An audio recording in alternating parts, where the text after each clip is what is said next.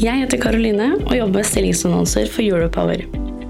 Europower har mer enn 7000 abonnenter, og podkasten du nå lytter til, har mer enn 300 ukentlige lyttere. Hvis du er på jakt etter ny jobb, se stilling.europower.no. Ta også gjerne kontakt med meg dersom du ønsker å annonsere ledige IT-stillinger i fornybar energibransje. Neste nettverkstreff skjer hos Itera den 12. desember. Dette er dagen for læring og erfaringsdeling. Og så er det en åpen dag. Det betyr at nettverksmedlemmene kan invitere kunder og enda flere kollegaer til åpen dag.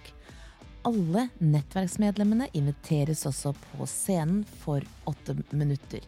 En åpen dag betyr også at alle som vil, medlemmer og ikke-medlemmer, kan booke en utstillerplass for dagen. Denne dagen skal være en mingle, bygge nettverksdag og samtidig læringsdag. Jeg gleder meg til 12. desember. For å registrere deg, så gå inn på 8minutter.no. Du lytter til Teknologioptimistene fra Europower Partner. Redaksjonen i Europower har ikke medvirka i denne produksjonen. Hei og velkommen til Teknologioptimistene, en podkast for IT-beslutningstakere i fornybar energibransje. Jeg er Pia Christensen Moe og jobber som strategisk rådgiver i Europower. I dag har jeg fått besøk fra en forsker fra DNV som heter Christian Agrell. Velkommen så mye. Tusen takk. Du, før vi starter å, å prate om vår prat som skal være tema AI, eh, så liker vi å bli litt kjent med deg, Christian. Hvem er du? Eh, ja, jeg heter Kristian Agrell, som du sa. Eh, jeg jobber i DNV, i vår forskningsavdeling. Og der leder jeg en gruppe forskere som jobber på da bl.a. AI og kvalitetssikring av AI. Eh, du spurte meg også hva skal jeg forberede meg til. Ja. Ja, og da sa jeg jo, du skal finne fun fact om deg selv. ja, det du skrev var Finn en fun fact om deg selv og din første PC.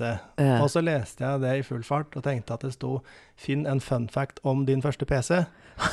eh, så den var litt tøff. Men jeg tenkte vi kan jo prøve da å ta to fluer i én smekk, hvis det er greit.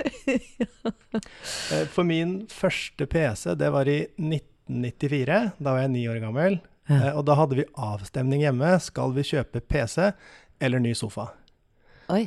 Uh, og det ble en PC. Det ble en Compact-PC. Jeg husker ikke akkurat modellnavnet, men uh, jeg husker at litt etterpå så brukte jeg mine egne sparepenger på å gå ut og kjøpe en ny RAM, og oppgraderte fra 8 til 16 megabyte RAM. Ja. Så det ble et beist av en, av en maskin. da. 1994. Jeg skal Ja. ikke si hvilken alder jeg var i. du, eh, på tittelen din også, så og, og vi sier det her nå, at du er forsker. Du har en ph.d. Um, og hva har du en ph.d.? Ja, jeg har en doktorgrad i noe som heter probabilistisk maskinlæring. Ja, eh, Ja. fortell. Hva går Ja. det ut på? Det er maskinlæring for anvendelser hvor usikkerhet er veldig viktig. Så f.eks. hvis du skal lage AI som må kunne si ifra når svaret ikke nødvendigvis er så nøyaktig, Ja. når den ikke er til å stole på, så trenger du den type maskinlæring. Hmm. Så det rett og slett en maskinlæring som gir deg en, en, en us, Som er ute etter det usikre i resultatet, altså? Ja, eller på, du kan tenke på det som en slags AI som også klarer å si 'jeg vet ikke'. Ok. For det er problemet med mye av den AI-en vi har i dag, at den vil alltid bare gi deg ett svar, enten det er veldig godt eller ikke. Du jobber jo, jo da i DNV, eh, og det er mulig at ikke alle lytterne vet hva DNV leverer og hva dere gjør. Så hva gjør dere? Ja, sånn kort og greit, så DNV er et globalt selskap, og vi driver med kvalitetssikring og risikostyring innenfor veldig mange bransjer, bl.a. innenfor energi. Du, em, du er jo da ansvarlig for et team av forskere. Mm. Eh, hva heter teamet ditt? Det heter eh, Risk and Modeling Technologies, heter teamet. Ok. Hvor mange er dere? Vi er elleve stykk. Elleve stykker. ja. Så dere da utvikler da et verktøy og metoder for å sikre kunstig intelligens? Ja, eller man kan si den type forskning vi gjør, kan dele det litt i to retninger, egentlig. Ja. Det ene er å utvikle maskinlæringsmodeller for DNV. Mhm. Um, og det andre er å utvikle metoder for å kvalitetssikre AI. Så dere, dere utvikler altså da egentlig en AI sin egen vaktbikkje, altså? Eh, ja, for å kvalitetssikre AI, det ja. kan du si. Og da trenger vi noen ganger AI for å kvalitetssikre AI, det er helt riktig. uh, AI har jo vært til stede uh, en lang stund, egentlig. Uh, mm. Men det er først nå i dette året her, egentlig, hvor det har fått en utrolig oppmerksomhet. Og kunstig intelligens begynner å bli implementert inn i løsninger eh, i virksomheter. Hva gjør dere på AI i DNV? Altså, vi har jobba med Det er riktig som du sier, at er, nå snakker alle om AI, litt pga. disse språkmodellene. Ja. Eh, men eh, maskinlæring, som er det som man bruker primært, det er ikke den eneste formen for AI, men, men det man bruker primært i dag, er noe som eh, vi og mange andre har brukt mye til andre ting også. Mm. Eh, Bl.a. til inspeksjon av skip så ser vi på hvordan vi kan bruke maskinsyn, altså droner med et kamera, til å gå og se etter sprekker, korrosjon, defekter og, og den type ting. Da. Og for deg personlig, da? Er AI-en blitt en god, uh, god uh, arbeidskollega, eller? Ja, absolutt. Altså det Jeg har jobba mye med risikoanalyse i DNV. Eh, og der er det å bruke AI og maskinlæring er ekstremt nyttig. F.eks. hvis du skal finne ut av hva er sannsynligheten for at en vindmølle kollapser i løpet av levetiden pga. dårlig vær. Så det å bruke maskinlæring til å lære fra data uh, hva som kan skje, det er utrolig nyttig. Men det er også et, et litt utfordrende problem, fordi vi har ikke nødvendigvis så veldig godt datagrunnlag. Nei.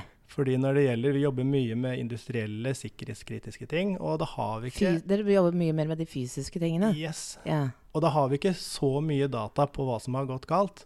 Og det er jo på en måte en god ting, da. Ja.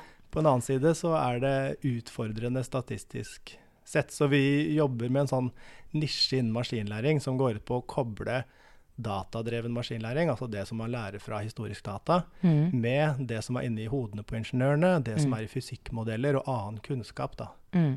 Dere jobber da med kvalitetssikring. Ja. Uh, hvorfor, hvorfor, trenger vi det? Ja, det er mange grunner til det. Det første er jo at uh, spesielt med AI, altså dette er potente greier. Uh, så fra et rent etisk perspektiv så trenger vi å sørge for at AI blir brukt på en forsvarlig måte. Så hva er det, hva er det, hva er det en kvalitetssikring må inneholde? Det er Én ting er sikkerhet for mennesker og, og, miljø, og det er jo fra DNV sin side også, så er det jo tradisjonelt noe vi har jobba mye med. altså mm. Ting som kan gå utover mennesker. Det er vel det meste dere leverer nesten, er på akkurat det. ja, det er mye av det. Eh, og det er viktig når det kommer til kvalitetssikring av AI. Men det som også har blitt eh, veldig viktig der, er andre ting som f.eks rettferdighet og forklarbarhet, eh, som også vil kreves. F.eks. hvis du, du bruker AI til å bestemme hvem som får et lån, eller mm. som får en jobb, eh, så er det viktig å vite at den typen AI Er ikke det litt farlig?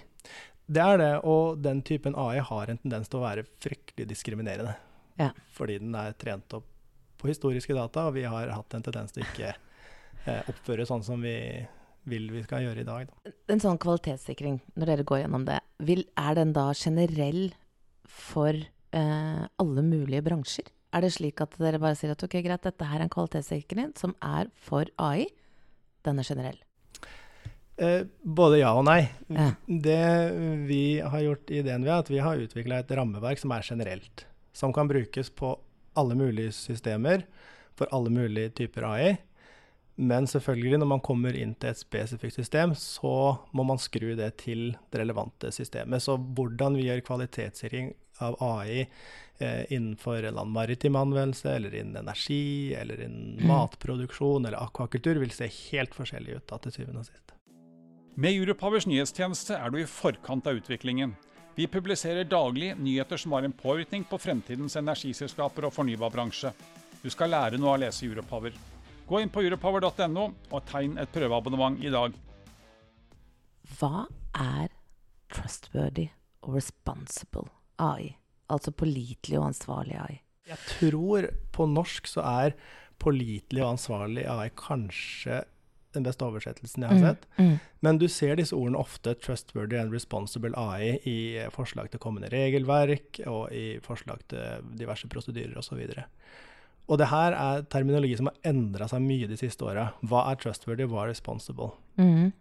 Og den terminologien som vi eh, bruker nå, eh, basert på det vi, der det ser ut til å på en måte forenes litt, er at responsible ofte knyttes opp mot etiske verdier. Eh, okay. Menneskeverd og den type ting. Og Ja. så er trustworthy litt mer, litt mer konkret. Det går på sosiale og tekniske egenskaper som robusthet, eh, nøyaktighet av modeller eh, og den type ting. Men forskjellen er sånn nå på trustworthy og responsible AI. Kan du fortelle, kan du forklare det? Ja, hvis vi kan ta eksempelet med AI Act, som kommer da fra EU, eh, Mhm. som er kanskje det mest konkrete vi har å se til nå, mm. eh, så kan man tenke seg at noe av det her handler om å gå fra, kall det EU sitt verdisystem, over til hva er det vi skal kreve av de som bruker AI. Mm. Og den mappingen der er det, kall det EU som tar seg av. Ja. Eh, Den, og, og det vi ser på som responsible AI. Og så blir det til en del krav som vi kan kalle, kalle pålitelige AI-krav, da, som Mm. er litt mer konkrete. Altså du skal ha tilstrekkelig nøyaktighet, robusthet, det må være forklarbart, rettferdig osv. Og, så og det er det som selskaper kan forholde seg til. Ja. Eh, hvordan får jeg AI-en min til å være nøyaktig nok? Og hvis jeg gjør det, så eh, opprettholder vi disse etiske kravene. Da. Og det er det da det regelverket som ligger under behandling i EU. Ja, det, er, det regelverket som ligger under behandling, er basert på den type arbeid og den type analyse. Da. Ok. Mm. Du, nå er jeg med. Tusen takk, altså. Ja, men det, er, det er et vanskelig tema. Og Ja. må si at altså, det er jo ikke noe fasitsvar der. Altså, for det her er mye usikkerhet. Det er Mm. mye forskjellige meninger og definisjoner Mm. der ute. Mm. Så det kan jo hende at om et år så er det her, eh, ser det annerledes ut enn det jeg sier nå. da. Dere har også utviklet Responsible AI-standard. Eh, og da sier dere at eh, ja, den inneholder disse seks prinsippene her sånn. Eh, og så har jeg lest at Accenture har kommet også med seks prinsipper. McKenzie har foreslått ti prinsipper. Ja. Eh, er det rart det blir rot? Nei, det, det er ikke rart. Og det er, vi lever nå i en tid hvor det er mye usikkerhet rundt uh, hva, hva innebærer det å, å lage og bruke AI på en forsvarlig måte, Ja. og hva vil kravene bli til det. Og det er jo det som alle prøver å finne ut av med diverse prinsipper nå. Så må vi finne ut av hvordan skal vi lage AI nå, sånn at om noen år, når det kommer krav til at den AI-en må være skikkelig, så er det en dokumentasjonsøvelse da. Men er dette da prinsipper som alle selskaper burde lage for seg selv? Ja, vi har prøvd å lage prinsipper som vi mener er uniforme for eh, alle de eh, bransjene som vi er i, da. DNV har jo også publisert eh, et sett med eh, eh, recommended practice. Mm. Hva inneholder Hva inneholder den? Hva inneholder de retningslinjene? Ja, ikke sant. Så recommended practice, beste praktis, er Ja. kanskje det beste ordet på norsk. Ja. Um, og vi i DNV, altså når vi lager metoder og prosesser for kvalitetssikring, så ender det ofte opp i standarder eller disse her recommended practices. da. Mm. Og den som du snakket om, den på AI, eh, det er vår nye recommended practice for eh, kvalitetssikring av AI-systemer. Og den er en del av en pakke med slike RP-er som tar for seg da hele verdikjeden, da. Eh, hele den digitale verdikjeden fra sensor til eh, endelig beslutning. Eh, og da trenger man mange byggeklosser. Altså man trenger disse retningslinjene konkret på forskjellige maskinlæringsmodeller, på sensorer, relatert til IT-sikkerhet osv. Og så har vi noen på toppen, Ja. som denne AI-RP-en, som ser på hele det komplekse systemet. eh, og hjelper da til å bryte det ned i hva, hva skal det være de på en måte konkrete tekniske kravene man må imøtekomme. Da. Ja, det skal ikke være greit å være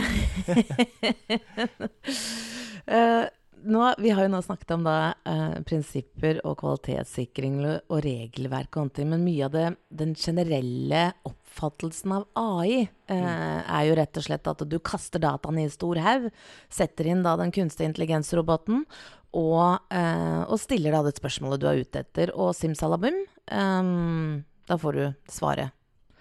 Eh, vi slipper eh, kjedelige rutineoppgaver. Men kan vi stole på dette her?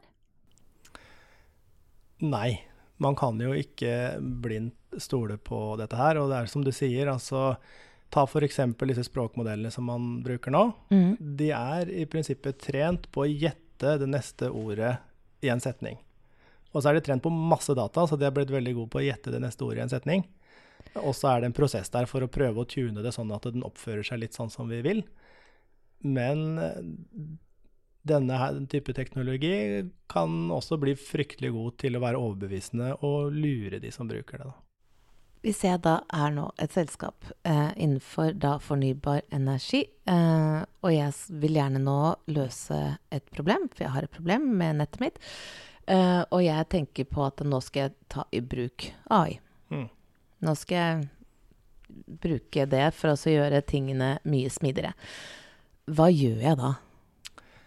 Altså det, det første er jo å tenke litt på er, er man klar for å ta i bruk eh, AI før man kaster seg på det. Og et viktig spørsmål da er kan jeg skape noe verdi med å ta i bruk AI. Mm. Og ofte er det svaret ja.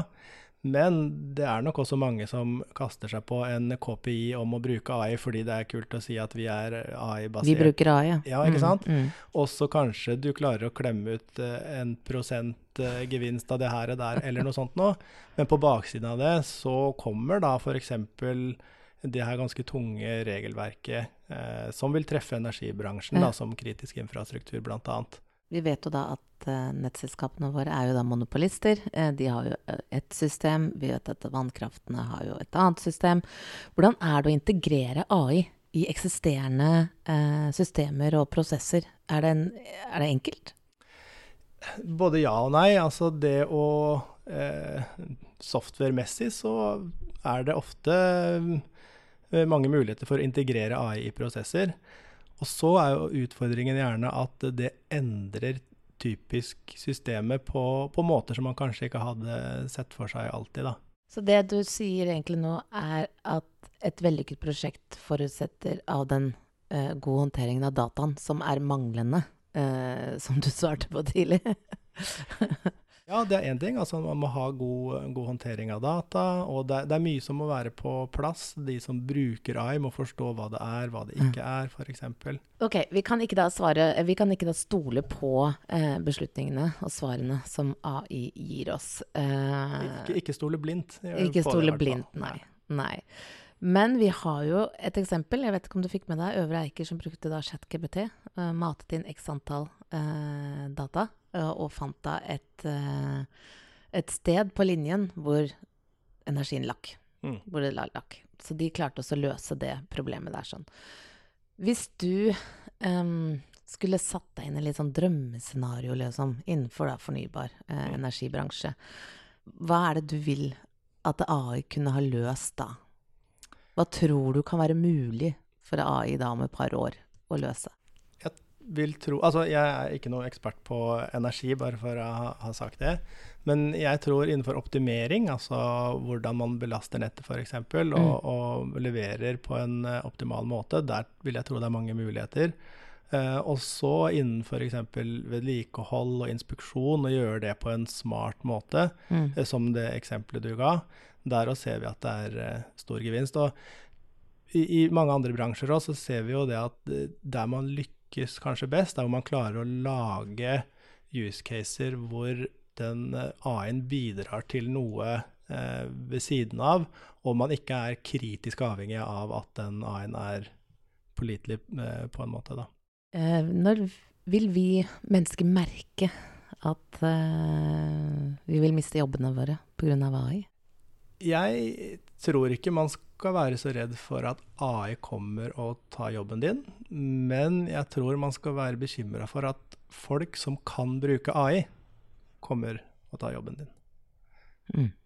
Ja, da Det er det som er bra også, for jeg har Ja. begynt å bruke det selv. Så, Ja, ikke ja, ja, ja, ja, så dette her er egentlig helt perfekt. Yes. Du, um, før vi avslutter, uh, så fortalte du om den nye uh, Eller den uh, maskinen du fikk da i 1994. Så jeg vil gjerne bare fortelle om min, for den har du nok du aldri hørt om. Det er en, en High Note Ultra fra Dekk. Den kom også i 1994, men Ja. jeg eide den selv, da, så det var ikke en sånn familie mellom sofa og PC. Nei, nei. Du, da gjenstår det bare å si tusen takk til deg, Christian, eh, forsker fra DNV, eh, for at du tok deg tid til å komme hit til podkasten. Mitt navn er Pia Christensen Moe, og jeg er en teknologioptimist. Og Christian, du skal få lov til å svare du også. Er du en teknologioptimist? Ja, det vil jeg si absolutt. Og tusen takk for at jeg ville komme. Det var veldig hyggelig. Da sier jeg bare takk for meg. Neste nettverkstreff skjer hos Itera den 12. desember. Dette er dagen for læring og erfaringsdeling. Og så er det en åpen dag. Det betyr at nettverksmedlemmene kan invitere kunder og enda flere kollegaer til åpen dag. Alle nettverksmedlemmene inviteres også på scenen for åtte minutter. En åpen dag betyr også at alle som vil, medlemmer og ikke-medlemmer, kan booke en utstillerplass for dagen. Denne dagen skal være en mingle, bygge nettverksdag og samtidig læringsdag. Jeg gleder meg til 12. desember. For å registrere deg, så gå inn på 8minutter.no. Jeg heter Karoline og jobber med stillingsannonser for Europower. Europower har mer enn 7000 abonnenter, og podkasten du nå lytter til, har mer enn 300 ukentlige lyttere. Hvis du er på jakt etter ny jobb, se stilling.europower.no. Ta også gjerne kontakt med meg dersom du ønsker å annonsere ledige IT-stillinger i fornybar energibransje.